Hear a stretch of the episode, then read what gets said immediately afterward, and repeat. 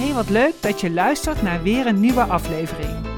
Mijn naam is Liesbeth Rombouts en deze podcast is er speciaal voor hoogbegaafde vrouwen die een missie willen leven. Ik deel welke stappen ik heb gezet en wat me verder heeft gebracht. En ik interview andere vrouwen om jou te inspireren vanuit je eigen unieke talenten te leven en je niet langer te verstoppen. Nou, zitten we hier met elkaar. Ik zit hier vandaag met Maartje.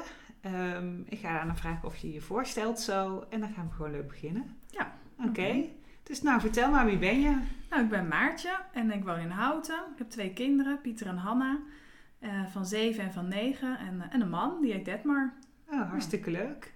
En waar kom je vandaan? Nou, ik kom uit Nieuwegein. Oh, echt waar? Ja. Echt heel dicht in de Heel buurt. dicht in de buurt, ja. Ik heb eerst in Nieuwegein gewoond en daarna nog eh, samen gewoond in IJsselstein. En zijn we drie jaar geleden hier in Houten komen wonen. Oké, dus je hebt samen gewoon met Ditmar Ja. in IJsselstein. Oké. Ja. En hoe bevalt Houten? Heel goed. Ja? Ja, ja, het is echt eh, prettig wonen. Het is veel dichter bij mijn werk, wat ook ideaal is. En ik vind het gewoon echt eh, prima woonplaats. IJsselstein vond ik ook prima, maar dit is ook heerlijk. Nou, mooi. En dan is de volgende vraag, wat heb je met hoogbegaafdheid? Ja, nou, mijn twee kinderen zijn hoogbegaafd en Ja. eh, zitten allebei eh, op een eh, school voor, speciaal voor hoogbegaafde kinderen. Dus ja, dat eigenlijk. En heb je er zelf ook nog iets mee met die term? Betrek je het ook op jezelf? Nou, dat, dat gaat denk ik automatisch op het moment dat je kinderen hoger begaafd blijken te zijn. Omdat er dan eigenlijk heel vaak gezegd wordt, ja, maar dat hebben ze wel van je ouder, van de ouders. En dan ook heel vaak wel de vraag komt vanuit anderen eigenlijk, van, vanuit jou. En ja, dan eh, ben ik eigenlijk wel gewend om meteen zo beneden. Nee, niet van mij in elk geval. Het is van mijn man. Ja, het is van mijn man. Eh, en in de loop der jaren ga je dan toch, toch soms wel eens nadenken van... eh, ja, hoe zag mijn schoolloopbaan eruit? En ja, welke dingen komen bij mij overeen? En, ja, dus het is wel iets wat dan weer wat vaker toch een topic wordt. En herken jij jezelf in een van je kinderen? Nou, ik herken mezelf in allebei mijn kinderen, in Ja. delen van hen. En ik herken me ook wel goed in de worsteling die school soms was. En vooral als ik terugkijk op mijn basisschooltijd, vond ik dat ook wel eens een, een worsteling. Ehm, op de middelbare school heb ik dat gevoel niet gehad. Mhm. Maar dus daar, daar herken ik me wel in. En verder herken ik me natuurlijk in heel veel karaktereigenschappen. Ehm, maar ja, als ik dan kijk naar wat, wat ik dan had met leren bijvoorbeeld, dan was ik wel altijd iemand die juist heel erg, eh, heel erg door ging zetten en heel erg eh, eh, wilde laten zien dat ik ergens goed in was, zeg maar. Dus je, hebt in ieder geval, je, je was wel een kind dat heeft leren leren, kennelijk. Zeker. Ja, en dat had Dat ik ook wel. nodig hoor. Want als ik dat niet deed, dan, dan volgde er ook geen resultaat. Dus moest echt, ik moest echt wel mijn best doen. Voor, voor mijn diploma bijvoorbeeld. En als je nou terugkijkt, hè, dan ben ik altijd benieuwd naar. Want ik vind ook hè, dat ik eigenlijk heel erg hard mijn best had moeten doen. Ja. En als ik dan terugkijk, denk hmm, heb ik wel echt op alles zo mijn best gedaan? Of was ik vooral bezig met een soort van ontwijkend gedrag? En moest ik daarna nog even hard mijn best doen? Bijvoorbeeld, ik Ja. ging heel vaak niet naar college. En dan had ik wel echt twee dagen nodig om die samenvatting te leren. En dan vond ik al heel erg mijn best doen. Ah ja, nee, ik heb was wel altijd juist heel, echt heel leergierig. Ging altijd heel goed opletten en vragen stellen. En echt eigenlijk wel een soort goede werkhouding. Helemaal als ik daarop terugkijk, denk ik, nou, aan mij hebben die geen lastige gehad. zeg maar ik ging altijd naar college en spijbelde niet. En nee, ook keurig mijn huiswerk maken was ook gewoon ja, eerder zo'n faalangstig type. Dat ik bang is dat je dan anders een, een laag cijfer haalde. Dus ik ging altijd voor de 9 of de 10. En die haalde je ook nee, vaak. Nee hoor, Ah, ik oké. haalde ook gewoon zessen en vijven. En eh, nee, wat dat betreft eh, was ik geen uitblinker. En je zei, de basisschool was wel een worsteling voor mij. Kun je daar iets over vertellen? Ja, ik voelde me vooral eh, een beetje alleen. Ja, dus eh, een beetje het idee van, ehm, ja, ehm, word je wel... Ik, ik weet ook nog wel goed dat er weer allerlei momenten waren op de basisschool waarover dan iets over jou geoordeeld wordt, zeg maar. Hè? Mhm. Over bijvoorbeeld de resultaten die je haalde. En eh, dan had ik ook altijd het idee dat, ik, dat, dat mijn mening over wat ik haalde en wat iemand anders mening daarover was, van de leerkracht gewoon niet overeenkwamen. Ik voelde me altijd eh, ja, slechter beoordeeld dan ik mezelf beoordeelde of zo. Dat was heel raar. Je voelde je niet gezien in Nee, ieder geval. precies. En ook wel met sociale contacten vond ik dat moeilijk vroeger. Ja, dus, basisschool. dus je had ook weinig vriendinnen op de basisschool. Ja, ik, ik had niet echt hele close vriendinnen. Ik had, voelde me ook niet er helemaal niet bij, bij horen of zo. Maar ik, werd best, ik had best wel eens een kinderfeestje. Maar meer dat je toch merkt van, nou, we zijn niet echt, echt close. Ja, die Ja. diepere connectie. Die heb ik nooit gevoeld. Nee, wat wij Nee. nu zeggen van oh, begaafden, het is fijn als ze onder ontwikkelingsgelijken zitten. Ja.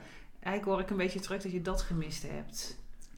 Ehm, nou, want ik heb, heb wel ook, de, in mijn klas waren er hartstikke veel kinderen die ehm, uiteindelijk bijvoorbeeld VWO hebben gedaan en een universitaire opleiding hebben gedaan. Ja. Dus het is niet zo dat ik denk dat ik, dat ik bijvoorbeeld heel slim was en de rest allemaal een stuk minder en we dus geen, ontwik- geen ontwikkelingsgelijken hadden. Maar ehm, ik denk eerder dat het kwam dat ik gewoon heel onzeker was en dat ik daar vanuit die onzekerheid gewoon weinig mm, echte connectie kon maken. En ik ben wel iemand die dat juist heel erg zoekt, zeg maar echte verbinding met mensen.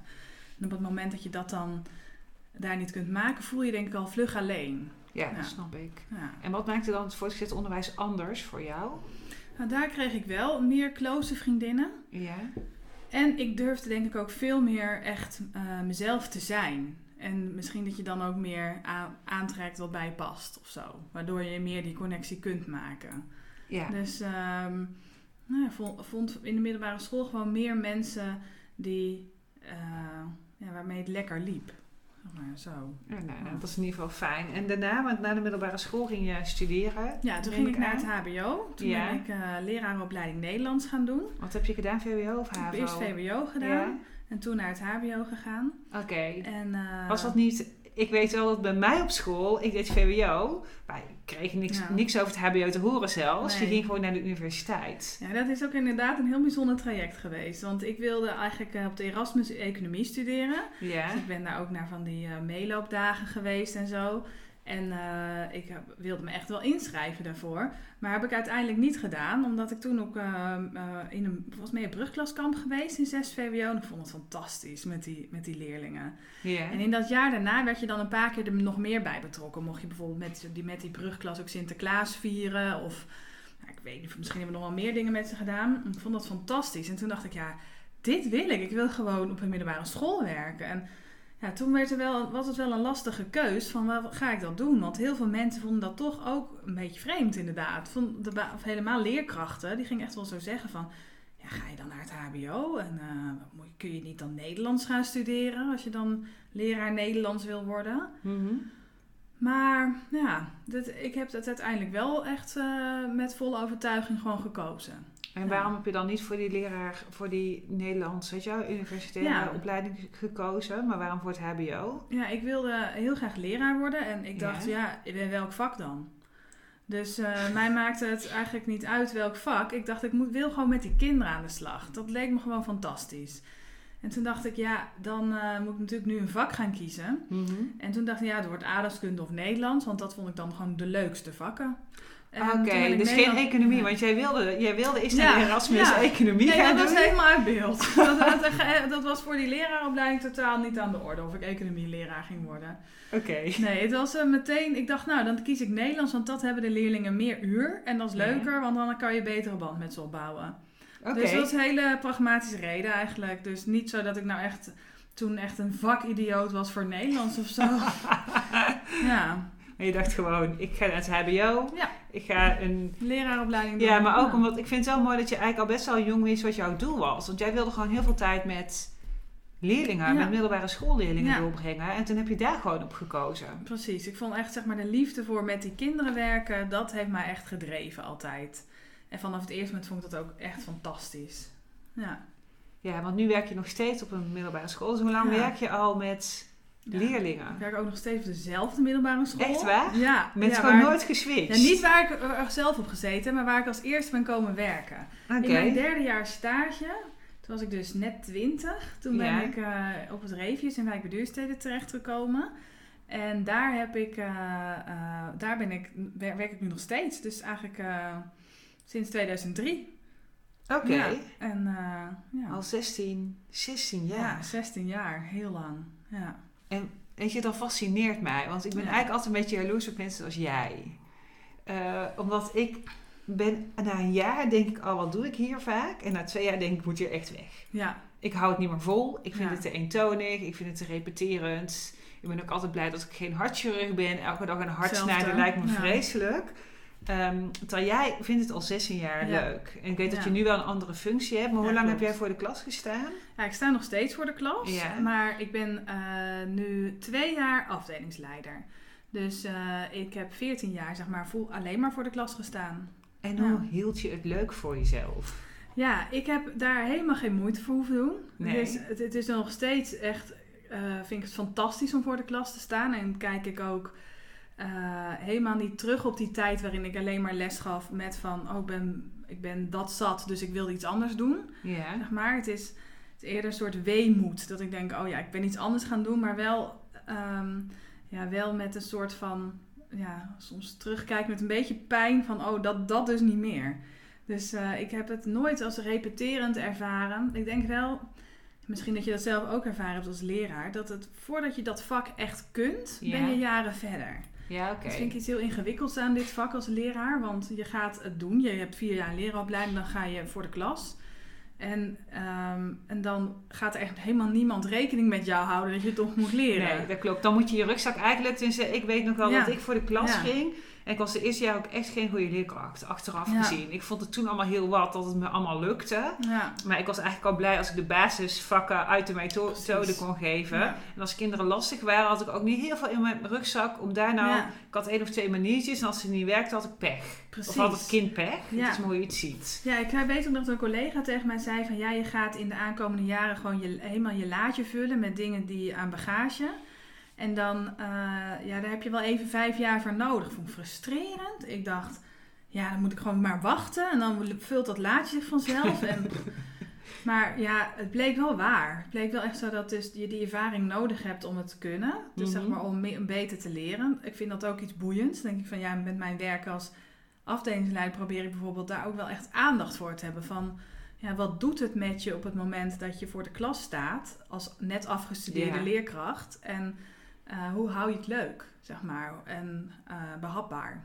En hoe kan, je, hoe kan ik daarbij helpen? Ja, en hoe geef je dan kwalitatief met de mogelijkheden die je dan hebt, zo goed Ja. mogelijk les? Ja, en op, in, op een gegeven moment, als je het dus steeds meer beheerst, komen er ook weer nieuwe dingen op je pad. Dus ja, op een gegeven moment eh, in 2009 ging mijn school een bovenbouw starten. Mhm. En toen dacht ik, oh, dat lijkt me wel leuk. Ik had er geen eh, eerste graads eh, bevoegdheid. Ja.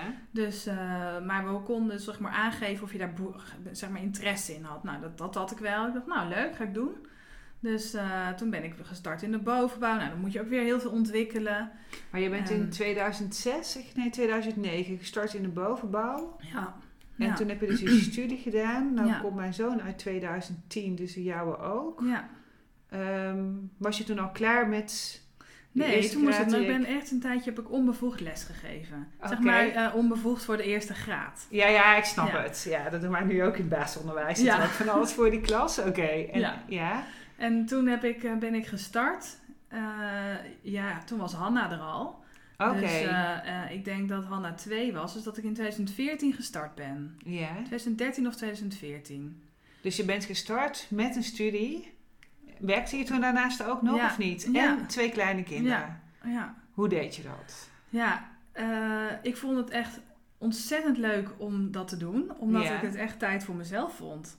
Oké. Ik dacht, ja, je hoeft geen moeder te zijn. Je hoeft geen vrouw te zijn, geen vriendin te zijn, geen goede werknemer zijn. Gewoon doe het allemaal voor jezelf. Je kan gewoon alles doen. Ik vond het echt een cadeautje, een soort me-time, zeg maar, die hele studie. En het was wel pittig, want ik moest wel, ik ging dan s'avonds als de kinderen op bed lagen om half negen of zo nog starten. Mhm. En dat duurde wel tot half één. Dus ik sliep kort. Ja, en daar kun je tegen. Nou, dat, eh, ik, dat is uit nood geboren, want Pieter heeft altijd heel slecht geslapen. Die heeft tot zijn vijfde niet doorgeslapen en altijd vroeg wakker, alle ellende. Dus ik denk dat ik er heel goed aan gewend was. Oké. Dus, ehm, eh, en ja, dat ging wel. En Detmar heeft ook wel heel erg eh, dat ondersteund. Want ik weet, hij is echt ontelbaar vaak naar dierentuinen geweest op zondagmiddag, om zodat ik kon studeren. En ook mijn moeder heeft in de vakanties dagen opgepast dat ik kon studeren. En ik heb het ge- verspreid. Je kunt deze studie in twee jaar doen en ik Ja. heb hem echt maar in drieënhalf jaar gedaan. Dus maar goed, dat betekent ook, weet je, waar, wat ik heel lastig vind, is ik vind mijn bedrijf echt super leuk. En ik ben echt al heel tijd op de wereld Ja. filmpjes opnemen, maar daar heb ik eigenlijk een dag de tijd voor nodig. ja, Maar dan mis ik mijn kinderen. Dus ik Ja. voel me altijd in een soort van spagaat. Ja. Dus van de ene kant wil ik heel graag die filmpjes opnemen. Maar ik heb vorig jaar heel druk gehad. En het heeft me ook heel veel pijn gedaan dat ik mijn kinderen zo, wij, Ja. zo weinig tussen aanhalingstekens zei. Ik was er in de weekenden en ik haalde ze ook nog een dag uit school. Maar voor mijn gevoel was dat heel weinig. Heb je dat ook? Of, Ja, ik vind dat wel. Ik denk dat dat misschien wel gewoon een universele worsteling is. Dus die moeders kennen of zo van, eh, ja, ben ik er genoeg? En dat heb ik ook wel zo gehad. Maar ze waren natuurlijk nog wel... Hanna was één of zo toen ik begon. Ja. Dus eh, ik kon het ook tijdens haar slaapjes doen. En als zij op bed lagen... En ik heb natuurlijk vakanties. Dus ik probeer dan in die vakanties ook wel veel met hen te zijn. Ja. Ja, het is wel, ik heb wel me daar ook schuldig over gevoeld. Maar ik heb ook gedacht van ja, eh, het is, je bent of het een of het ander, weet je wel. Het is niet, het is niet eh, goed of fout. Het is niet zwart-wit. Het is niet fout als je het een doet en goed als je het ander doet. Maar het is, je geeft ze ook iets mee als jij die filmpjes wil maken en je gaat daarvoor. Maar dat is ook een voorbeeld. Ja, nee, en dat zie ik ook Ja. hoor. Dat, dat is ook wel wat ik zie en daar doe ik het ook op. Ja. Maar ik merk wel, het doet, weet je, ehm, elk voordeel heeft zijn nadeel. Ja. En ik vind wel, als ik moeder ben, dat, dat, dat de pijn groter is. Ja. Weet je, dat, dat stuk. ja, dat vind ik ook. Oké, dus Ja. dat is wel herkenbaar. Ja.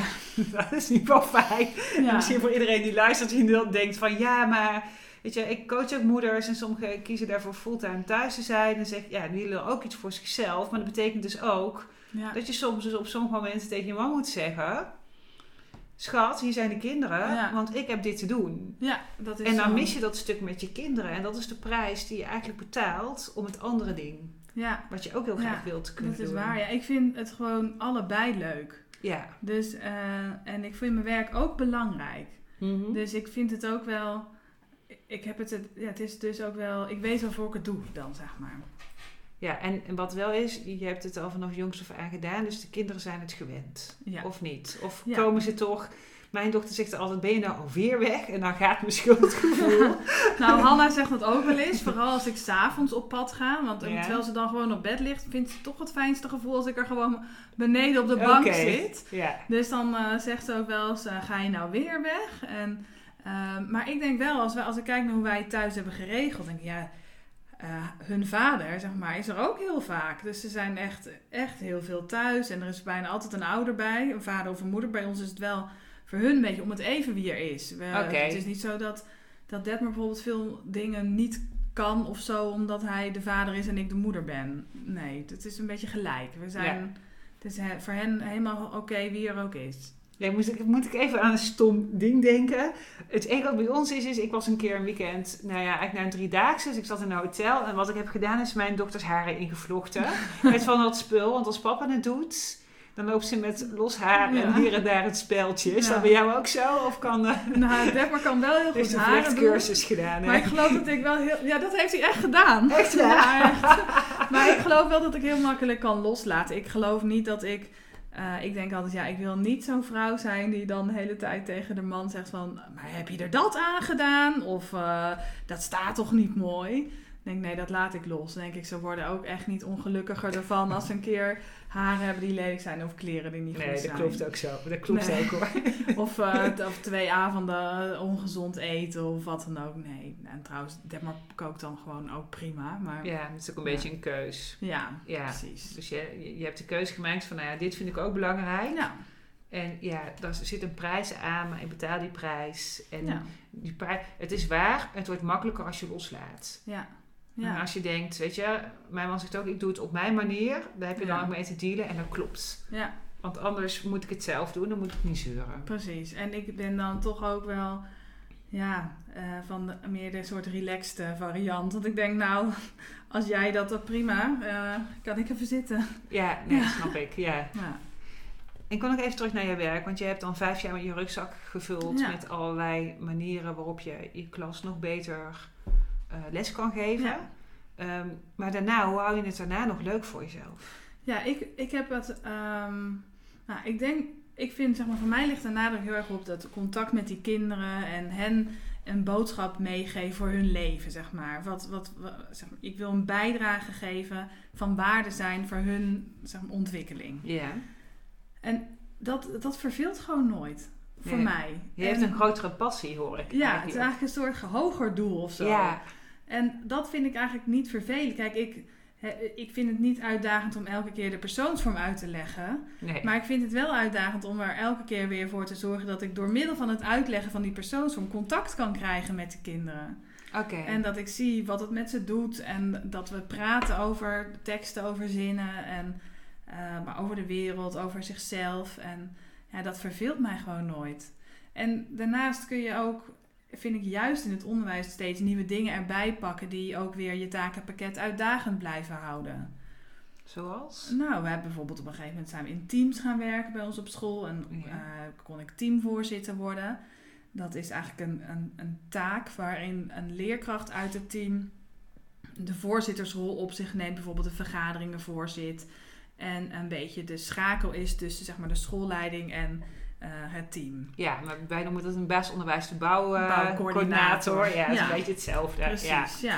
En nou, dat gaf dan ook weer een nieuw takenpakketje erbij. En eh, nou, ik zie bijvoorbeeld ook wel collega's die er dan bijvoorbeeld een ander vak bij gaan geven. Dat heb ik nooit gedaan. Mhm. Maar bijvoorbeeld wel mentoraat. En dat deed ik wel vanaf het begin al. Maar dan ging ik bijvoorbeeld een keer een vierde klas mentoraat doen. En zo kon je wel belangrijke taken afwisselen die dan toch wel weer uitdagend maken. Ja, en ik hoor ook, je pakt dan wel je kansen. Ja, Want ik ken natuurlijk ook een hoop, ik vraag ook als aan sommige mensen, wil je bouwcoördinator worden? Nee, nee, weet je, al die verantwoording, al, Ja. dat soort dingen, en dan gaan ze het niet, doen. Maar ik hoor wel dat jij het dan denkt van, nou leuk. Nou, ik kon wel eh, nieuws. beren op de weg zien en denken van, eh, kan ik dat dan wel? En eh, ben ik dan, eh, vind ik het dan ook allemaal nog wel leuk? Maar ik heb, ja, Debmar helpt mij daar heel erg bij om dat toch aan te durven. Ja. Die kan, kan mij dan wel het vertrouwen geven dat het goed komt. En, ehm, en ook vanuit werk heb je eigenlijk altijd wel iemand die, die je dan een beetje eh, zegt van... Nou, ik, ik kijk wel met je mee en ik eh, loop een stukje met je op, zeg maar, om, ja, om je te helpen. En durf het maar. Ja, en dan... Ja, voel, ik, ik, natuurlijk pak je die kansen ook zelf, maar ik zie ook wel dat ik die kans heb gekregen, zeg maar. ja, maar jij durft dus ook om hulp te vragen.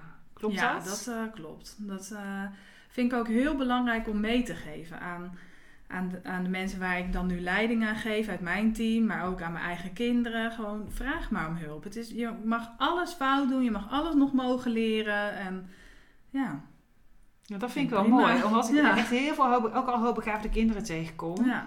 die het heel lastig vinden om een fout te ja maken. dat, eh, dat zie ik ook bij mijn eigen dochter, die Ja. dat heel ingewikkeld vindt. Om eh, als er iets niet lukt of of het heel, heel erg vervelend vindt als iemand ziet dat iets niet lukt. Ehm, natuurlijk vind ik het ook niet leuk als mij dingen niet lukken, dat andere mensen dat zien. Mhm. Ehm, maar ik vind het niet moeilijk om te zeggen van, oh dat heb ik niet goed gedaan of eh, ik weet niet hoe het moet. En ik vind het ook niet moeilijk om hulp te vragen. Nee, dat vind ik ook echt belangrijk om, om te doen. Ja, en ik denk Ja. ook, maar ik denk ook dat dat stukje wel helpt om Ja. verder te komen. Ik heb het echt heel lang dacht ik altijd, oh, ik mag, ik moet het goed doen, ik moet het in één keer goed Ja. doen. Maar daardoor loop je natuurlijk ook duizend valkuilen in. Ja, En als je dan ook nog niet op hulp vraagt, dan maakt het jezelf heel erg moeilijk. ja. En ik hoor wel dat jij die vaardigheden toch wel ergens. Ja, boeiend. Ja, denk, ja, hebt. dat klopt. Ik weet niet eh, waardoor. Ik denk dat Nee. misschien dat er altijd al wel in. Ja, Ja. ja. dat is wel, heel, Ja. wel leuk en interessant om te horen. Dat, Ja. en ook om te zien dat je dat dus echt, eh, weet je, als je die vaardigheid wel hebt, dat je dan ook makkelijker stappen kan zetten. Ja, misschien wel dat het een soort Ja. van eh, nodig is om het te kunnen. Ja, weet je, als je denkt van, oh, fout maken hoort erbij en ik kan om hulp vragen, ja, dan heb je eigenlijk al twee best wel belangrijke dingen in je rugzak zeker. zitten. Ja. Waarmee je dus gewoon stappen kan gaan zetten. En Ja. in plaats van dat je denkt, ik mag geen fout maken, ik moet zelf uitzoeken. Ik ben iemand, dus dat dan elke avond de uren te googelen om uit te zoeken wat, er, wat ik gehoord had. En waarvan ik dacht dat ik daar een antwoord op moest hebben. Oh ja. Had ja. ik het natuurlijk ook gewoon aan iemand anders kunnen vragen. Maar wat deed ik dan? Dan ging googelen. Oh ja. Nu kwam ik er ook wel achter. Ja, maar zeker. Het is ook op zich een goede strategie. Ja. nou, dat weet ik niet. Want je bent dus wel uren kwijt aan iets wat je ook gewoon in 10 minuten... Maar ik, ik, je vindt het voor je kinderen denk ik wel belangrijk dat ze gewoon om hulp durven te vragen. Ja, maar inmiddels doe ik het ook Ja, hoor. oké, je hebt dus het inmiddels, geleerd, ik heb het ge- nou ja. ja, ik, eigenlijk ben ik pas achtergekomen dat ik hoogbegaafde kinderen zelf, nou, omdat ik uit een assessment hoogbegaafd bleek te zijn. eh, mijn kinderen hoogbegaafd waren. Toen kwam ik in aanraking met die leerkuil. En toen dacht ik, hmm, Ja, eigenlijk al die dingen die in de leerkuil zitten, die doe ik eigenlijk allemaal niet. Ja. Dus als ik het niet kon, dan deed ik het nooit meer. Weet je, wel? Aha, ja. dat soort dingen. Of als ik het niet Uh, fouten maken was niet in vragen. Dus als ik al merkte dat ik een fout maakte, ging ik er alles aan doen om die fout te vermijden. Dus dat urenlang al conversaties met mezelf te hebben als ik naar mijn werk ging over alles wat fout kon gaan, daar had ik allemaal een oplossing voor bedacht. Oh ja, ja heel vermoeiend. Kost ongelooflijk veel energie. Precies. Terwijl nu denk ik, weet je, nu zit ik dan weer ergens ook op een school om daar te helpen bij het hoogbegaafd onderwijs.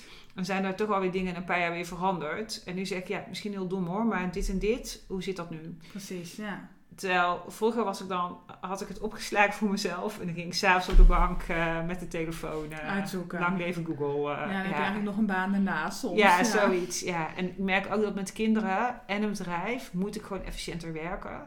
En zit ik natuurlijk heel vaak in de leerkuil. Ja. Dus tegenwoordig zeg ik tegen mezelf: Oh ja, die zit dus de leerkuil, hier moet je doorheen. Dus je gaat ja. nu terug, je moet hier doorheen en het komt wel weer goed. Ja, want eigenlijk is het ook als je juist heel lang op dezelfde plek blijft, ook ergens een soort van veiligheid zoeken, niet de nieuwe dingen aandurven. Ja, maar is dat bij jou zo?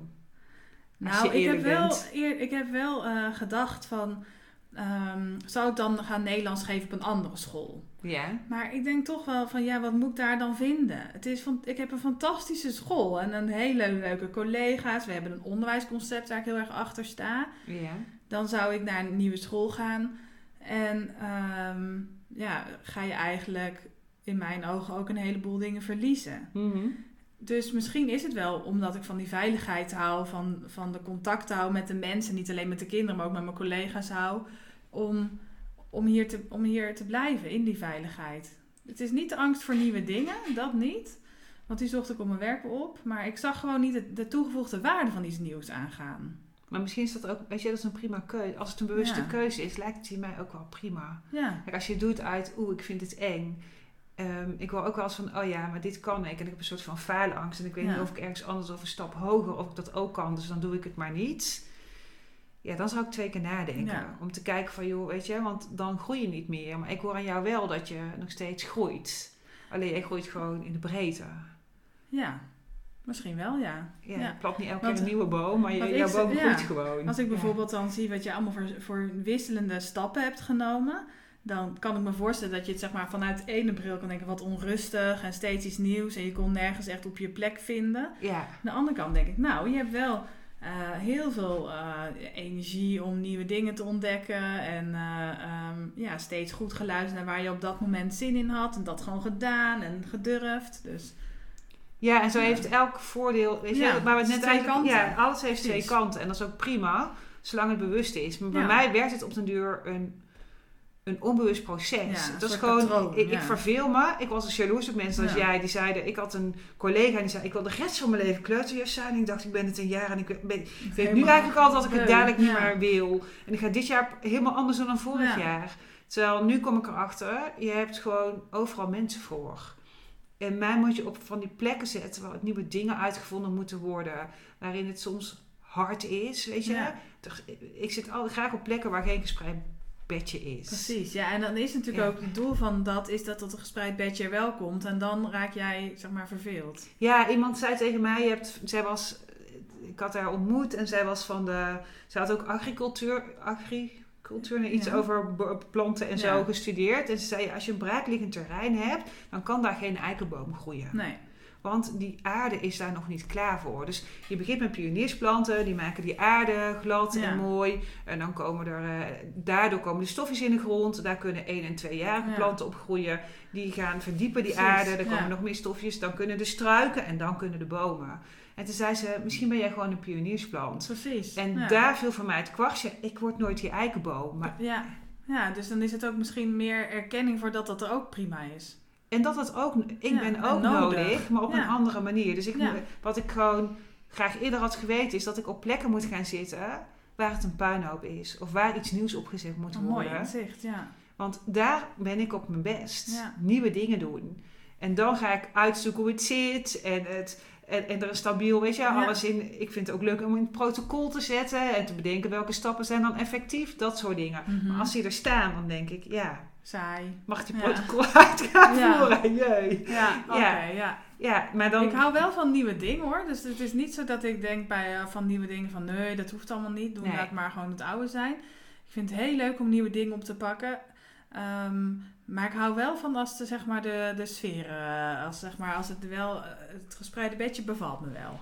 En dat is ook prima. Ja. Dus je bent gewoon een ander soort Mens, Boom. ja, typje. Ja, precies. Ja, plant. ja, Ja. inderdaad. Ja. Ehm, we hebben het hier ook over hoogbegaafdheid. Doen jullie specifieke dingen op school met hoogbegaafde kinderen? Want weet je, ik kom uit Ja. basisonderwijs. Daar moet ik ook nog ooit een podcast over maken. Wat we daarin zouden Ja. weet je, doen of wat er bestaat. Maar wat doen jullie? Nou, wij ehm, hebben, ehm, we hebben, zijn een hele brede middelbare school. Dus bij ons komen leerlingen eh, van basiskader tot en met tweetalig VWO eh, Ja. in de instroom. We hebben geen bovenbouw HAVO. eh, wel een bovenbouw HAVO, maar geen bovenbouw VWO. Oké. Dus dat maakt natuurlijk wel een verschil. Dus, wij, dus wij focussen ons op de onderbouwleerlingen. Maar wat hebben jullie dan wel aan bovenbouw? Even HAVO en. TL. Oké, dat zijn de enige twee. Ja, precies. De- die ja. twee de diploma's kan je bij ons halen. En waar gaat de rest dan heen? Eh, nou, de basis, basiskaderkinderen die gaan naar allerlei verschillende scholen. Want dan Ja. ga je bijvoorbeeld naar SGM in Maarsbergen. Daar eh, kun je dan eh, veel met autotechniek doen bijvoorbeeld. Maar ook scholen waar CC, naar CCZ in Zeist. Dus die gaan heel spreiden heel breed. wijd uit. Ja. Ehm, sommigen gaan zelfs naar hier naar Houten, naar het Welland. Ehm, maar wij, eh, en de, de VWO-leerlingen gaan over het algemeen allemaal naar Doren. Nou, wij zijn een, een veel kleinere school. Ja. En eh, wij vinden zeg maar, het dichtbij de leerling staan ook heel belangrijk. Eh, dus dat betekent dat we daarin investeren. ja. En dat kan voor hoogbegaafde kinderen ook een hele prettige plek zijn. Zeg maar in, in een veilige omgeving, in een klein, we werken in leerhuizen waarin je de docenten veel ziet, waarin Mhm. je korte lijnen hebt. Ehm, en dan heb je natuurlijk daar tweetalig VWO of een tweetalig gymnasium. Dus dat is dan de route die je doet, gewoon Ja. jouw niveau. Eh, en dan zit je met alle kinderen die dat ook doen bij elkaar. Oké, dus je hebt het een beetje in een soort van clusters. Ja, ja wij zien? noemen het leerhuizen. Ja. Dus je hebt eigenlijk een soort kleine schooltjes in de school. Ja. eh, waarin je dan ehm, eh, ja, met elkaar van, van hetzelfde niveau en een, een paar jaarlagen bij elkaar zit. En één docententeam zit erop. Dan hebben we ook verschillende, we hebben dus vijf docententeams. En als je dan kijkt naar het docententeam van het VWO, dan zit daar dus één docententeam op. Dus die kennen de kinderen goed en die maken ook plannen voor die leerlingen. Dus je hebt dan bijvoorbeeld specifieke projecten die bij hen passen. En, eh, ja. Dus je bent eigenlijk een klein school. Je hebt eigenlijk Ja. allemaal kleine schooltjes Ja, binnen de school. Eigenlijk wel, ja. En eh, stel nou dat, dat eh, een van mijn kinderen er naartoe gaat. Ehm, hoe zorg je ervoor dat ze zich niet vervelen? Nou, wij vinden het belangrijk dat ook het reguliere aanbod al niet verveelt. Ja. Zeg maar, dus dat je niet altijd nog veel, veel extra's nodig hebt om alleen maar eh, blij te worden. Ja. Omdat dat, ehm, niet elke puber vindt het leuk om bijzonder te zijn. Om, Nee, om de dingen ik. te doen die buiten het eh, reguliere aanbod vallen allemaal. Dus ook in de normale lessen proberen wij al eh, daarmee aan de slag te gaan, zeg maar. We, we willen wel stappen maken in richting meer eh, van tevoren toetsen en kijken wat een kind nog wel, wat wel niet kan. En dan meer individuele leerroutes aanbieden. Ehm, maar daar moeten we zeker nog in verder ontwikkelen hoor. Dat zijn echt dingen die tijd kosten voordat je dat Mhm. goed in de vingers hebt. Je ziet dat daar echt wel stappen in gemaakt worden. Nou, we be- proberen zeg maar de extra uitdaging en eh, heel erg in die projectweken toe te voegen. Dus dat Ja. kinderen eh, dingen kunnen doen die zij leuk vinden. Bijvoorbeeld is bijvoorbeeld de talentstroom. Dan kunnen ze eh, speciale projecten oppakken die zij leuk vinden. Bijvoorbeeld drone vliegen of... eh, maar ook heel praktische dingen. Want ik denk namelijk dat het ook hartstikke leuk is voor hoogbegaafde kinderen om veel meer met hun handen bezig Ja, te zijn. Zeker. Helemaal niet alleen maar denkwerk. Dus Ja. je kunt ook in die weken eh, bijvoorbeeld dansen doen. Of eh, dat soort dingen. En dat is ook in, in dat team heb je bijvoorbeeld ook thema's. Dus aankomende keer is het thema sport. Ja. Nou, dan, kun je, dan gaan ze dingen doen waar je bijvoorbeeld mee kan schaken. Je kan denken aan schaken, maar ook wel echt zo'n echt sport. Zeggen, nou, Banden schaken is ook zo'n sport hoor. Ja. Ja. maar echt En ja, Ja. bewegingssport. Ja, Ja. maar ook weer bijvoorbeeld dat er iemand een lezing komt geven. Een sporter, een topsporter die daarover komt vertellen. Dus je probeert allerlei verschillende manieren om hun, te, eh, hun zintuigen te prikkelen, zeg maar. En eh, we zijn echt nog in ontwikkeling met het zorgteam. En er is eh, die daar vooral over zich over buigt. Over wat doe je nou met kinderen die, die zeg maar dan nog meer nodig hebben. Ja. En dan eh, denk je natuurlijk wel meer aan verdiepingsmateriaal of extra werk eigenlijk. Buiten de normale lessen om nog in thema's dingen aanbieden. Oké, maar jullie visie is wel, hoor ik nu, of zijn er nog over aan het nadenken, kan ook dat ze wel eens het basiswerk af moeten voordat ze die thema's Mm. in kunnen. Of- Nou, die thema's in die plusweken, die zijn er Ja, altijd voor dat snap iedereen. ik, ja. ja. en, maar dat echte verdiepingswerk, daar is wel eh, nodig. Dan, ja, dat zijn echt wel speciaal geselecteerde leerlingen. Daar zijn heel veel gesprekken over gevoerd, ook met ouders. ja, Eh, met name omdat het belangrijk is dat die kinderen ook gemotiveerd zijn om dat te doen. ja, En eh, dus daar wordt dan wel echt goed naar gekeken. Willen zij dit wel? Is dit wel wat bij hen past? ja, dat Ja, snap en- ik. Nou, maar we hebben eh, een, eh, een collega van mij die heeft hier eigenlijk een soort heel projectplan voor opgezet. En dat zijn Ja. we nu aan het invoeren. Dus we zijn daar nog echt stappen in aan het maken. Wat, wat denk ik bij, op onze school vooral heel goed aansluit voor kinderen eh, die hoogbegaafd zijn, is dat ons hele schoolsysteem daar heel goed bij kan passen. We zijn we, zeg maar echt de kleinschaligheid, de rust, de korte lijn in de zorg. Dat, Ja. dat maakt dat er veel maatwerk mogelijk is voor kinderen die dat nodig hebben. En eh, ja, we kunnen natuurlijk altijd extra uitdaging bieden. Dat doen leraren ook wel gewoon uit zichzelf al. Dat is Mhm. omdat we dat heel erg motiveren ook om te doen. Ehm, maar dat is niet iets waar we voor het standaard plannen voor hebben. Nee, Nog. nee, het is gewoon maatwerk, hoor ik. Ja, daar proberen we op te focussen. Ja. Ja. En in het VMBO zitten vast ook hoogbegaafde kinderen. Ja, ja ik heb, het is wel zo dat ehm, ik denk dat voor, op, over het algemeen zullen deze wel op de HAVO blijven hangen, maar je zult ze zeker ook nog wel in het VMBO hebben. Eh, daar, die zijn echt het, het zijn vergeten eigenlijk dan, hè? Dat Ja, denk ik want die, ja, kijk, de VWO, eh, dat vinden we logisch, hè? Daar zullen Ja. er heus wel, een tweetalig VWO, Ja. er zullen er heus wel een aantal ja, rondlopen. Maar, ja, Maar wat doe je met die kinderen die zijn afgegleden of die gewoon niet gezien zijn en die op het VMBO nou, zitten? heel lastig. Dat is echt voor, ik denk voor elk eh, onderwijs, eh, voor elke school in Nederland eigenlijk een probleem waar je niet zomaar een antwoord op hebt. Mhm. Ehm, dus wij, heb- dat is ook niet iets wat wij zomaar wel een oplossing voor hebben. Het is meer dat ik wel inderdaad weet dat die er wel zijn. En, eh, Worden ze nog herkend? Want dat is eigenlijk al probleem één, denk ja, ik. Het is meer zo dat, omdat ik er natuurlijk nu meer verstand van heb, hè, ook door mijn eigen kinderen, dat soms wel eens een beetje zo'n onderbuikgevoel in mij nestelt. Dat ik denk, oh, dit kind is misschien wel eens eh, hoogbegaafd en Mhm. heeft nu door allerlei problema- problematieken, eh, zeg maar, niet is die tot leren gekomen. En, Ja. en, maar of dat, ik denk eigenlijk niet dat dat echt nog onderkend wordt. Nee, ik denk Nee. het ook niet. Ik denk gewoon dat ze gewoon... Weet je, dit is vaak dat achterafwerk. Dus Ja. dan... eh, achteraf denk je, oh ja, misschien had er wel meer ingezeten. Ja, En ik zou het heel mooi vinden, maar ik, ik had een tijdje terug ook met iemand van het MBO gewoon een, een, gesprekje in de, in de koffiekamer hoor. Die zei ook, ja, op het MBO zitten ook gewoon Ja. een deel. Een deel van de Ja. MBO's zijn ook hoogbegaafd, die gewoon niet onderkend zijn, die niet hebben leren leren.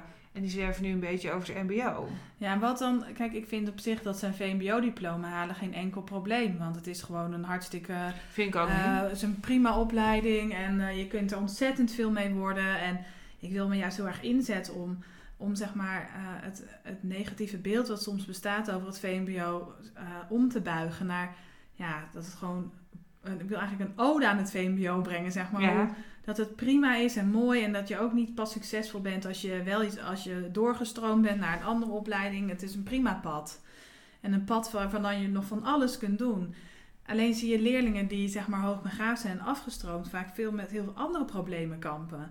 Dus niet per se dat ze hun middelbare school niet netjes gaan halen, want die gaan waarschijnlijk best dat VMBO-diploma Mhm. halen. Maar je ziet vaak dat ze eh, ongelukkig zijn, dat, dus ze kunnen vaak ongelukkig zijn of andere problemen hebben, geen aansluiting vinden. En dat is natuurlijk waar je, wat je niet wil. Je wil eigenlijk wel gelukkige kinderen zien. Ja, maar dat is ook het stuk. Weet je, ik vind, Ja. ik, vind ik roep ook altijd mijn kinderen naar het VMBO gaan, helemaal Ja. prima. Ja, Ehm, mijn angst zit er eigenlijk het meeste in van, komen ze daar, kunnen ze daar echt vrienden maken? precies. Mensen ja. waarmee ze klikken, komen ze in een baan waarin ze hun ei kwijt kunnen straks. Ja, Dat is dan meer mijn zorg dan dat mij het, weet je, die letters ervoor, het zal. ja, En ehm, nou ja, dan kom je ook in een andere discussie. Moet elk kind met talent, voetbaltalent, topvoetballer worden? Ja. Is ook de, die vraag heb ik ook Ja. echt oprecht. Moet elke hoogbegaafde maar het VWO doen? ja, dat vind ik ook. Helemaal, ik, ik geef les op de HAVO. Ik heb HAVO 5 voor Nederlands. En ik zie daar ook leerlingen waarvan ik soms ook weet dat ze hoogbegaafd zijn. Mhm. En dan, dan zie ik hoe zij zijn. En dan denk ik, deze HAVO past echt prima bij jou. Ja. En ehm, ze hebben misschien nooit leren leren, maar ze hebben wel een heleboel andere dingen geleerd.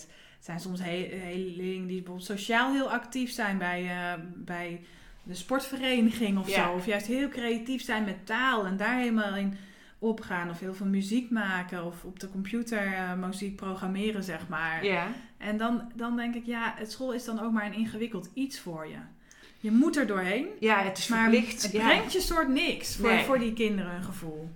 Nee. En dan, ja, dan probeer ik wel als leraar heel erg, eh, of eigenlijk meer als mens, heel erg eh, ja, te bekrachtigen hoe mooi het ook is dat ze al die andere dingen kunnen. En- ja, en ik denk ja. ook dat uiteindelijk maakt... ehm het diploma kan soms helpend zijn, omdat je dan makkelijker toegang Ja. hebt tot sommige dingen die bij je passen. Ja, Maar dat is dan ook echt. precies. Ja. Weet je, dus ik heb er in principe ehm, geen moeite mee ehm, welk, welke richting je doet. Ehm, het zou mooi zijn als we in Nederland flexibeler waren in dat je dan toch gewoon je pad kan vinden. ja, precies. En ik merk wel heel vaak dat diploma en voeropleiding, dat vinden Ja. we super belangrijk. Absoluut. Terwijl ook onderzoeken zeggen, na Ja. acht jaar ben je 70% vergeten of zo. Ja. Of na drie jaar, ik Ja. weet het niet. Ik weet het percentage niet eens. Maar je bent echt vrij snel een heel groot percentage vergeten wat je ooit hebt geleerd aan scholing. Ja, en wij hebben dat heel erg eh, in het Nederlandse systeem natuurlijk heel erg gekaderd. Hè? Van dit is VMBO TL en dit is dan HAVO en dit is dan VMBO kader. Maar ja, je hebt natuurlijk ook leerlingen die zijn op één gebied helemaal niet zo goed, maar op andere gebieden heel goed. En Ja. dat kan, kan in Nederland helemaal geen makkelijke uitweg vinden. Het maatwerkdiploma komt dan een beetje op, waarop je bepaalde vakken op een hoger niveau kan doen. Ja. Maar het is toch ingewikkeld inderdaad in die, ja, in, in die harde kaders werken. ja, we hebben echt harde hokjes. Zeker. Ja, en maak het maar eens passend in die harde hokjes, weet je. Ja, Stel nou dat je... Ik, ken, ik heb wel eens kinderen met een IQ-uitslag waarvan ik denk... Oh, talig. Kun je eigenlijk zo naar het VWO. Maar jouw ruimtelijk wiskundig inzicht is eigenlijk VMBO TL. precies. En daar zit je dan. ja, Want op de HAVO weet je dat zo'n kind kaart moet gaan trekken aan dingen waar hij nooit iets mee gaat doen. Namelijk Ja. dat ruimtelijk inzichtelijke. ja, super jammer eigenlijk. en, ja. en, je- en je wordt beperkt in je talent. Ja. Ja, ik, dat is ook heel jammer van, het, van hoe dat soms werkt voor leerlingen. En het is, ik denk dan maar, ja, het is belangrijk dat een kind aan het, aan het einde van zijn loopbaan daar niet op stuk is gebeten, zeg maar. En dat hij gewoon nog vertrouwen, dat hij vertrouwen houdt in dat hij er wel komt en dat hij alles kan wat hij zou willen. En eh, het ligt nog helemaal open. Ja, maar is dat zo? Je kunt niet altijd alles maar wat je zou willen. absoluut niet. Nee. En dat Je maakt het geen ingewikkeld. worden.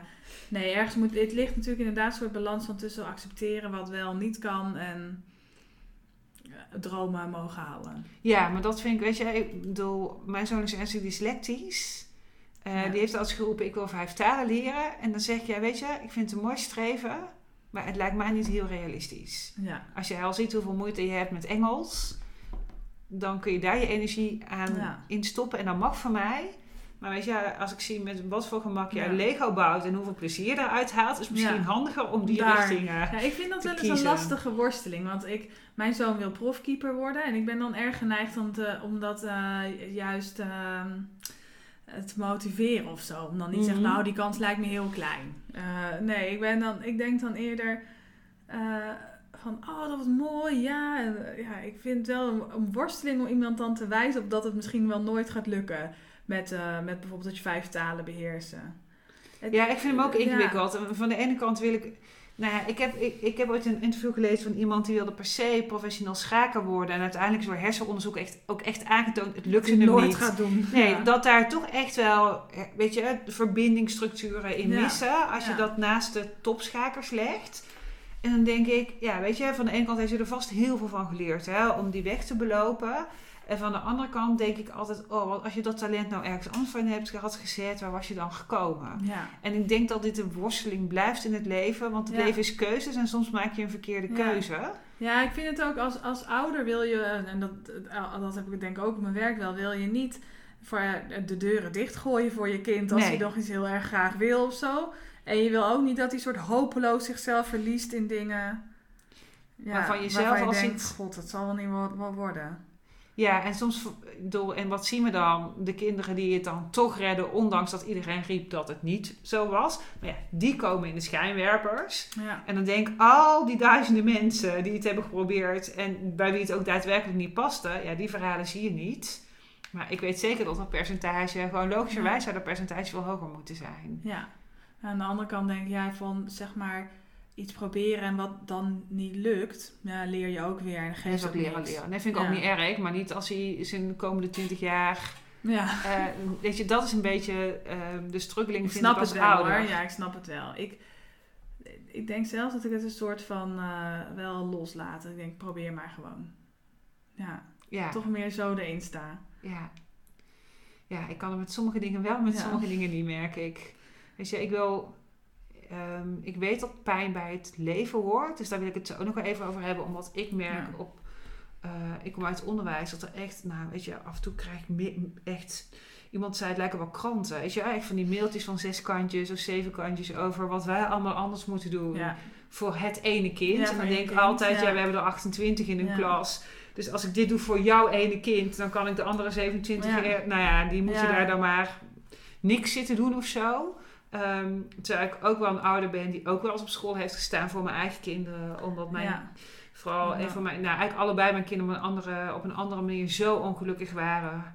Dat ik dacht, ja, ik krijg ze gewoon, weet je, ik zet ze nu in de Ja. auto met kinderslot. Want Ja. anders rennen ze de auto uit omdat ze echt niet meer naar niet school willen. Ja. En dat hou ik als moeder, weet je, buiten dat ik het heel pijnlijk vind voor mijn kind. Want ja, pijn hoort bij het leven, maar is dit nog de pijn die Ja, bij je een hebt kind ook eh, hoort? natuurlijk de rol om ze ergens te beschermen weer. Ja, ehm, en daarbij hou ik als moeder niet vol om mijn kind zoveel pijn te zien Mhm, lijden elke ja. dag. Ja. Ehm, dus dat vind ik ook nog altijd een interessant onderwerp. Waar Ja. ligt die grens? ja, dat vind ik ook. Ik denk wel dat ik, door ik doordat ik ouder ben nu, wel meer eh, kan begrijpen wat ouders beweegt om zo eh, dingen te vragen van school. Ja, Ja, het heeft me wel milder gemaakt. Ja, ik heb wel soms, eh, toen ik geen kinderen had, dacht ik ook wel, god, dat is best veel gevraagd eigenlijk wat we allemaal moeten doen nu. Wat u Oh, vraagt ja. van, van ons. En nu ik, nu ik zelf moeder ben, kan ik me de wens in ieder geval veel beter voorstellen. En probeer ik zelf nu als, ehm, als afdelingsleider vaak uit te leggen, eh, woorden te geven aan het perspectief van de school. Mhm. Van eh, oké, ja, dit is eh, dat we wel echt heel graag mee willen denken en ook heel ver willen gaan in wat we kunnen bieden voor het kind. En dat ik heel goed probeer, zeg maar, eh, helder te maken van wat, wat de reële verwachtingen zijn. Van, ja.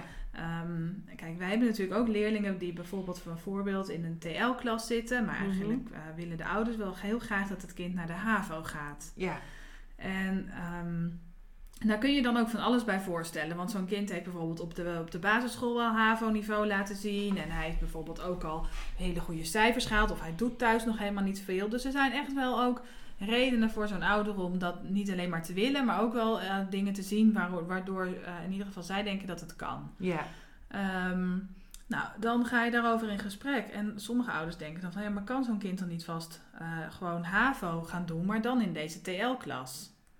Oh ja, zo. Ja, en dat is natuurlijk ehm, dat is een verzoek waarover we goed praten. Want dan denk ik, ja, ik snap het verzoek. Mhm. En het is ook belangrijk dat het haalbaar moet zijn vanuit de school. Ja, Dus natuurlijk willen wij weten, als een kind door gaat stromen, kan die de HAVO. ja, want anders blijf je heen en weer switchen met Ja. zo'n kind en dat is in niemands Ja. belang. Dus je daagt hem wel uit. Ja, Maar je wil eigenlijk ook niet dat de leraar ehm, een soort van eh, extra, hele extra workload erbij krijgt om dat allemaal nog eh, erbij te behappen. Dus je Ja. bent altijd goed aan het afwegen wat is nou handig en, en hoe is, wat is goed voor het kind. ja. Want wat wil dit kind? Wil die echt die uitzonderingspositie in de klas? Kan die dat aan? En Mhm. zijn cijfers zullen soms lager worden. Hè? Als je van Ja. HAVO, TL, eh, to- eh, van de TL-HAVO-toetsen gaat maken, worden in, sommige, in de meeste gevallen de cijfers ook wat lager Ja, is hoe, wat doet dat met een kind? Dus dat zijn allemaal aspecten die je meeweegt. En volgens mij, ja, ik vind het wel heel goed helpen om, om goed het perspectief van, van alle de kanten neer te leggen. En dan kom je meestal wel,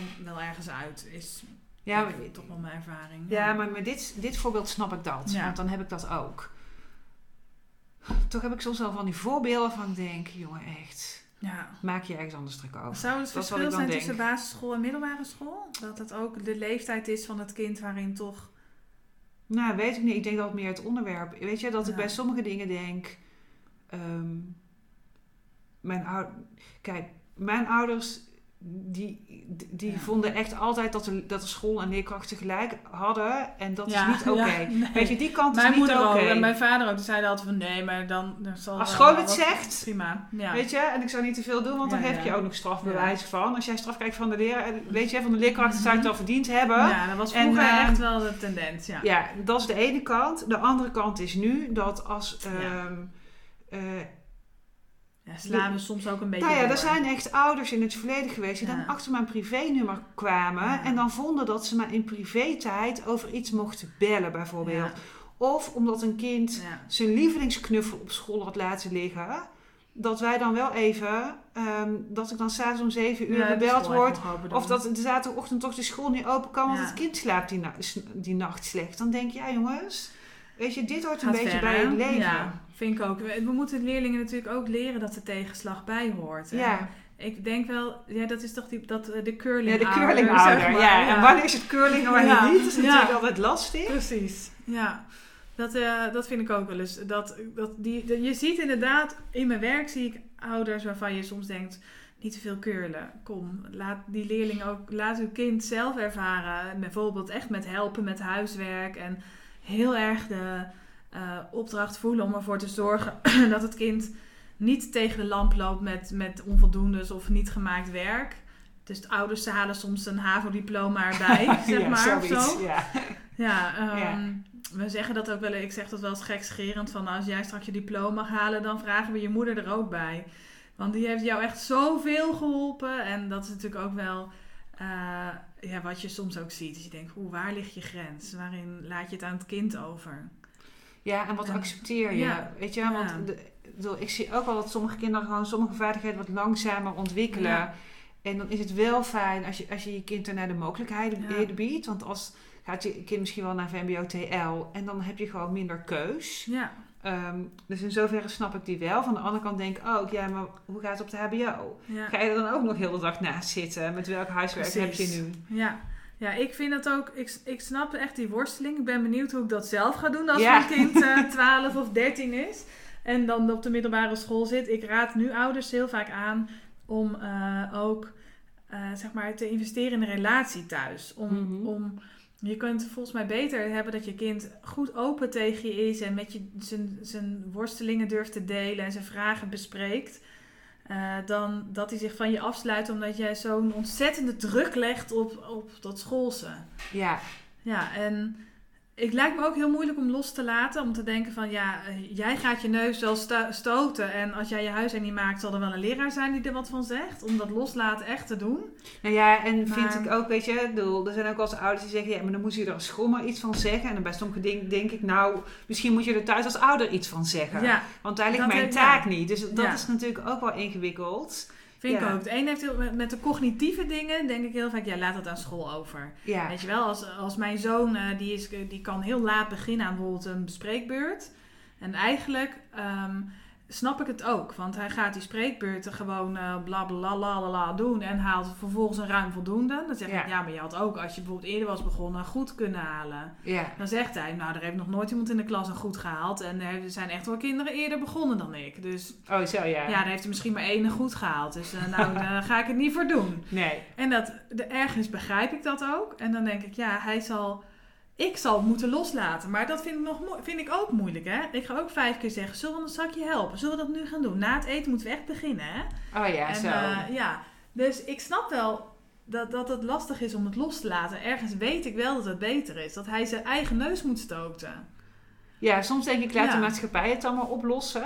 Ja. Of, of de klas. Ja, En soms denk ik, oh ja, maar hier ga ik je wel tegen beschermen. ja meer met, met eh, es- emoties, denk Socia- ik. hè. ja, vooral sociaal gebied. vind ik ook. dingen zijn niet handig Ja. of niet meer handig. Ja, en als je het hebt over pesten of hele kwetsbare zaken, vind ik wel ook dat je als ouder daar zeker eh, mee, mee moet denken. Ja, Ja. Nee, dat vind ik dus ook. Maar cognitief, probeer ik het Ja. ook los te laten, maar vind ik dat soms ook Ja, lastig. ook, dan zeg ik tegen anderen, ja, weet je, loslaten. Dan Ja. halen ze maar een onvoldoende en denk oh ja, zit ik thuis, dan moet ik ook mijn handen gaan zitten en denk, oh ja, loslaten, dan halen ze maar een onvoldoende. Als, je Dus, goed, eh, als, het, ja, zeg maar zoals, als het goed gaat met je kind, kan dat ook makkelijker dan als je ziet dat het niet goed is voor je kind dat hij zijn neus gaat stoten.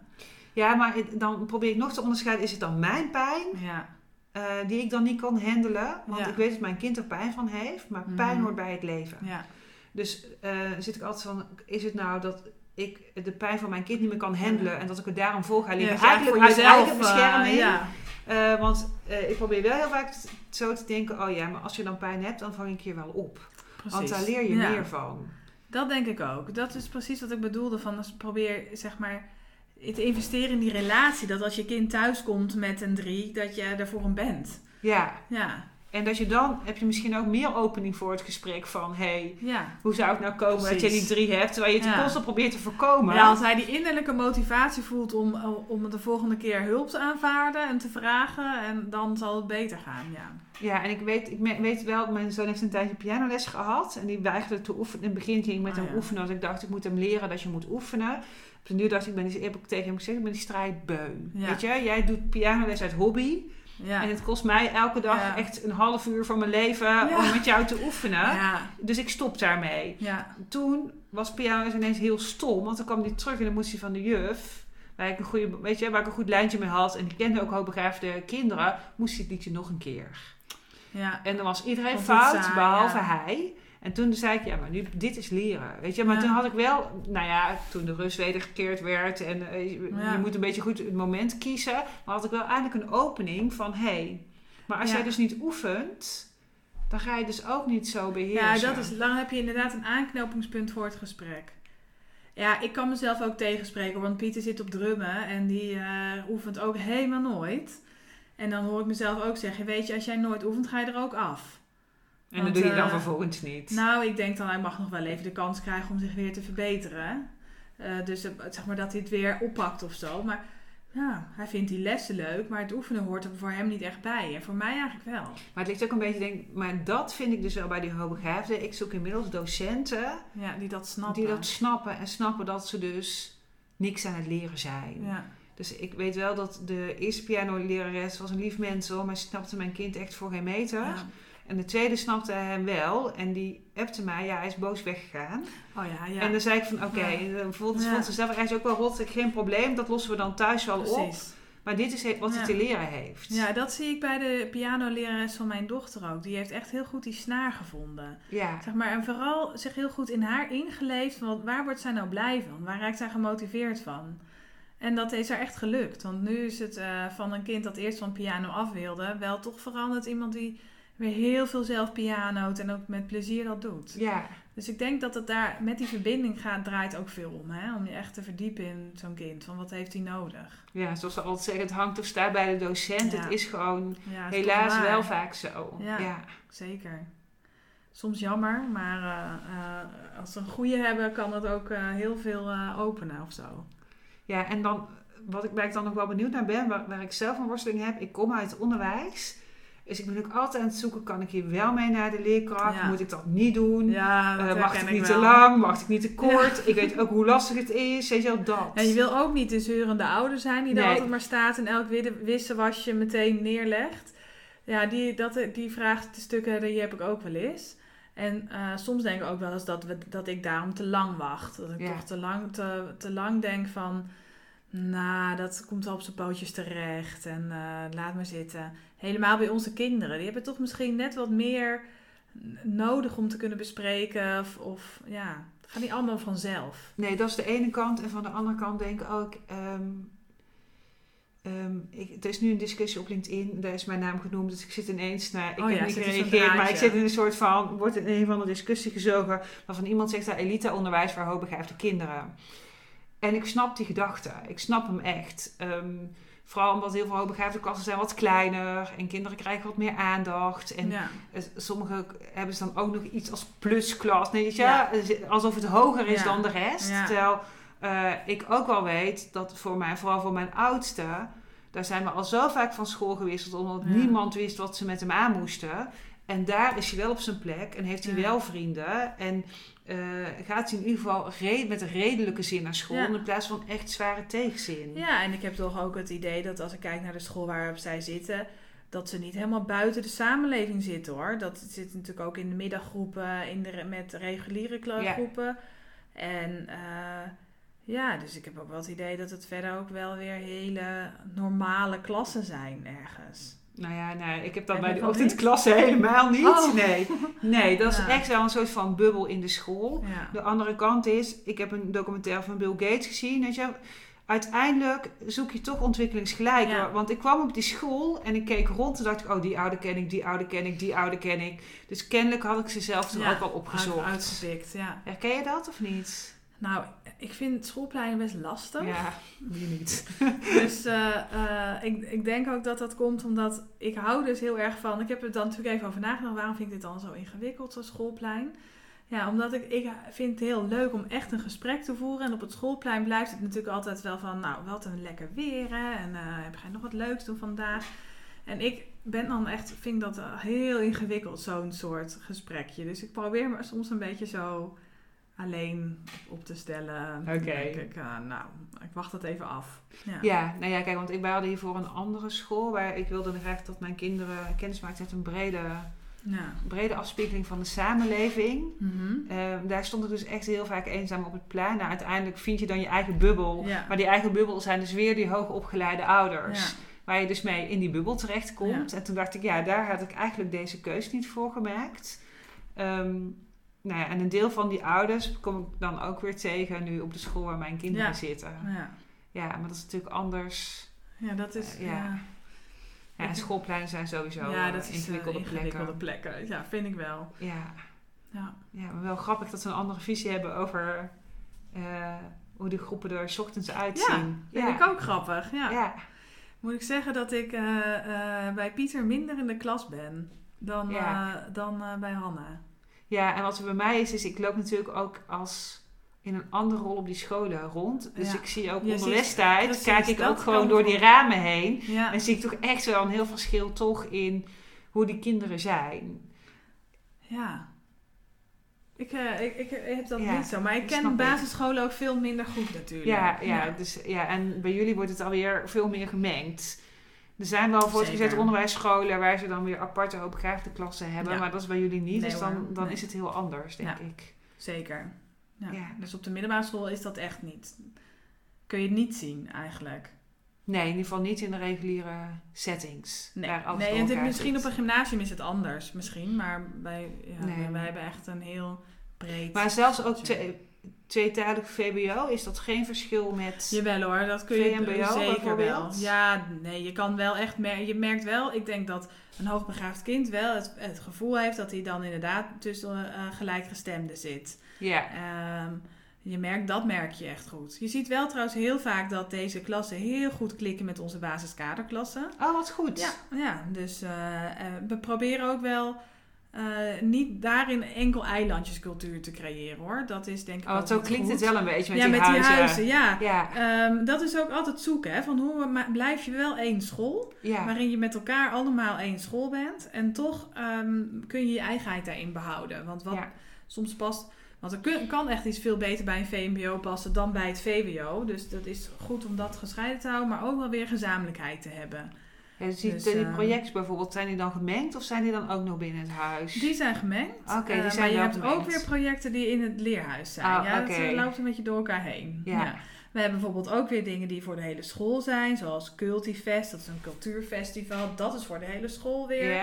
En dan sommige dingen weer veel specifieker per leerhuis. Ah, Oké, Maar dus... je les heb je echt in je leerhuis. Nee, dat snap ik. Maar kinderen komen elkaar nog wel tegen. Ja, zeker. Hebben allemaal samen pauze. En, eh, Maar heb je dan niet bubbels in die pauze? Nee. Dat mengt wel. Ja, Oh, dat is wel Ja. mooi. dat mengt wel. Ja. Natuurlijk ehm, heb je echt ook bubbels. Het is natuurlijk, maar het mengt ook. Oké, Ja. nou dat is wel Ja. goed om te horen. Ja. Ehm, ik ga een lastige vraag stellen, denk ik, want daar heb je niet over nagedacht. Maar stel nou, ik het best wel voor hoogbegaafde moeders. Hè? Als je ze nou één advies zou willen geven over nou, wat jij geleerd hebt sinds jij weet dat je mogelijk hoogbegaafd bent. Wat is dan je advies? Eh, nou, mooie vraag. Ik zou, ja, ik denk toch dat je het dan op die eh, fouten mogen maken eh, moeten hebben. Ja? Zeg maar, ja. Dat ik denk dat dat heel belangrijk is voor vrouwen. Dat je zelf eh, fouten mag maken. ja. ja. Ja, dat dat gewoon prima is. En dat, dat je daarvan leert en dat je daar ook echt niet slechter van wordt of doodongelukkig van wordt. of, ehm, ja. Dat de wereld vergaat, Dat de wereld vergaat, dat niemand je meer wil of wat dan ook. Ja. Ja, Dat is een mooi, mooi advies. ja. dus dat, dat je daarom eh, daar met best eh, ja, milder naar jezelf mag zijn. Ja, fouten maken mag. Ja. En dan niet alleen zeggen, maar ook als het gebeurt. Ja, en dat we dat ook naar elkaar wel wat makkelijker, eh, dat je daar ook wat liever naar elkaar voor kunt zijn soms. Ja, en dat doet me ook weer denken, dat hebben we eigenlijk alweer afgeschaft. Maar we hadden twee jaar geleden hadden we met ons gezin bedacht om op vrijdag je grootste faalmoment van de week te delen. Oh ja, En dan ook wat je daarvan geleerd hebt. Ja, leuk. En ik vond het altijd echt, in het begin vond ik het echt de meest vreselijke opdracht eigenlijk die ik zelf had bedacht. maar voor mij was het ook heel goed om en stil te staan met waar, Ja. waar heb ik dat nou gedaan en wat heb ik daarvan geleerd. Maar ook om het te delen met mijn kinderen. Dat ik dat dus ook heb en dat er Precies. altijd er weken zit zoveel zijn. moois in. Ja. Ook wel als jij, want jij vertelde ook van ik ben eigenlijk iemand die heel graag nieuwe dingen wil doen. Hè? Die Ja. dan snel uitgekeken is op andere dingen. En volgens mij krijg je ook door zeg maar focus te hebben op de dingen die je, op zoiets als dingen die niet goed zijn gegaan, ook weer, zeg maar, dat geeft wel de richting aan van verbeteren, nieuwe dingen doen, energie om vooruit te gaan, zeg maar. Terwijl als je blijft vastzitten in die angst om iets fout te doen, dan ga je natuurlijk wel remmen. Ja, en bij mij zit, ik heb niet angst om iets fout te doen. Nee. Maar het is meer, als ik het fout heb gedaan, dan ben ik zelf mijn grootste vijand. Ja. Dus heb ik mezelf echt al tien keer alle hoeken van de kamer laten zien. Ja, Hoe ik zo stom kon zijn om zo'n fout te maken. ja. En vooral die mildheid ja eh, precies. Dus dat zou ik is wel het voor eh, mij mensen gunnen. Ja, Ja, nou, super mooi. nou, Nou, dankjewel voor dit gesprek. alsjeblieft. Ja, het was... ik vond het een mooi gesprek. Ik ook. Nou, tof.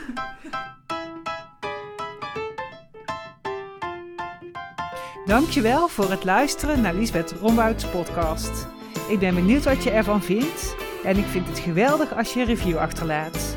Mocht je geïnspireerd zijn door mijn missie, zou je mij dan willen liken of volgen. Dat kan door deze podcast te liken of mij te volgen op sociale media. Hierdoor word ik beter gevonden en kan ik nog meer vrouwen inspireren. Ik ben je super dankbaar.